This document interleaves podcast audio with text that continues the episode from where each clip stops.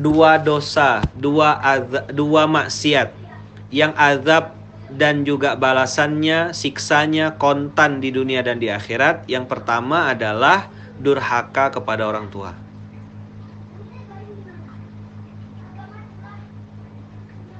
Nah, jadi balasannya itu di dunia dibalas, di akhirat dibalas juga.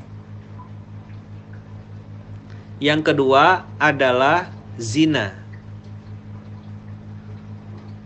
Z I N A zina. Orang sekarang menyebutnya dengan bahasa yang halus disebut sebagai selingkuh atau apa gitu ya. Nah, kalau saya tuh nggak nggak nggak mau nyebut itu gitu. Zina ya zina zina sama istri orang bisa jadi tuh zinanya sama apa uh, sama suami orang nauzubillah yang jelas kalau udah urusannya zina itu pasti kontan cash di dunia dan di akhirat. Maka teman-teman semua jangan heran kalau ada orang terjebak di salah satu saja. Apakah zina? Apakah uh, durhaka orang tua, hidupnya nggak berubah, tidak outstanding. Karena memang Allah menjanjikan lewat Rasulnya dua dosa ini kalau dikerjakan di dunia maka balasannya di dunia dan juga di akhirat. Ada dosa-dosa tuh Bang Ade dan Mas Aryo dan teman-teman semua yang dibalas Allah di dunia, tapi di akhirat dianggap impas. Ada juga di dunia nggak dibalas sama Allah nanti baru dibalas pas di akhirat. Itu ada dosa-dosa yang kayak gitu. Tapi khusus dua ini pengecualian. Dibalas di dunia, dibalas juga nanti di akhirat. Masya Allah. Nah itu bisa kebayang ya buat teman-teman yang mungkin mungkin hari ini kenapa kok hidup saya belum berubah? Ada apa dengan hidup saya? Nah tinggal cek kita masuk di ranah mana. Nah kali ini saya ini saya dengar langsung ya dari teman-teman yang ada di kota-kota besar mereka cerita Ustadz kalau kayak kami di Jakarta ini Ustadz, kayak kami di kota-kota besar ini Ustadz, aduh kalau udah zina Ustadz itu bukan lagi beli perempuannya bukan lagi bayar suka sama suka si perempuan jauh sama pasangannya atau mungkin sudah proses cerai tapi nggak dicerai-cerai sudah lama nggak apa berhubungan badan lalu si laki-laki juga jauh dari istri, istrinya di ini ketemuan di Jakarta, teman sekantor, awalnya teman bisnis, awalnya makan-makan siang, lama-lama bobok-bobok siang. Itu nggak beli Ustadz, suka sama suka. Perjalanan dinas, tinggal satu hotel, harusnya dua hotel, dua kamar terpisah. Tapi karena pengen menghemat biaya perjalanan dinas, lalu dipilih satu kamar. Dalam kamar kejadian. Dan yang saya dengar ini ya, yang saya dengar ngomongnya tuh santai banget mereka bilang gini ah si perempuan ya bilang gini ah saya pun sudah nggak perawan ya nggak apa-apa lah sesimpel itu gitu loh pada dunia zina ini masya Allah adabnya tuh kontan nah apa yang dibalas Allah untuk zina dan juga orang tua ini kehinaan. Kalau laki-laki tuh kalau laki-laki tuh balasannya tuh rezeki. Bisnis seret ya kan? Usaha-usaha di ditipu orang nah gitu-gitu.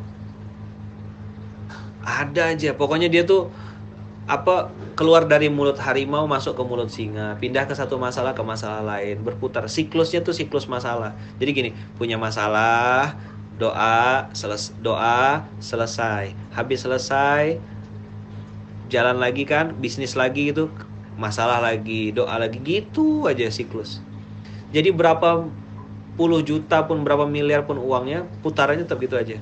Punya masalah, berdoa sama Allah, selesai, selesai mulai usaha lagi, bangkrut lagi, doa masalah lagi, doa lagi terus saja. Nah, dia ada dalam siklus masalah. Kalau bahasa Qur'annya wayah kelud fihi muhana. Jadi kalau laki-laki itu dua, rezeki sama yang kedua nama baik hancur. Itu kalau laki-laki, kalau yang udah urusannya sama zina. Atau orang tua. Terus kalau perempuan apa Ustaz? Nah, kalau perempuan itu penyakit. Mohon maaf ya, mohon maaf nih, sorry. Kanker payudara, kanker mulut rahim, kanker darah. Itu kan barang-barang asing. Kok bisa masuk ke dalam tubuh dengan sangat mudah? ya kita sih nggak pengen kepo ya nggak pengen nanya-nanyain dia tapi rata-rata orang-orang yang kena kayak gitu penyebabnya itu yang saya pernah temuin jadi begitu dia mengaku punya penyakit karena dia bilang dan dia pengen konsultasi saya kan harus diagnosa kan?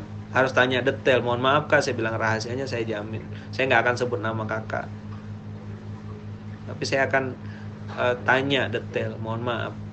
Pernah ini enggak pernah ini enggak langsung nunduk bilang iya Ustaz pernah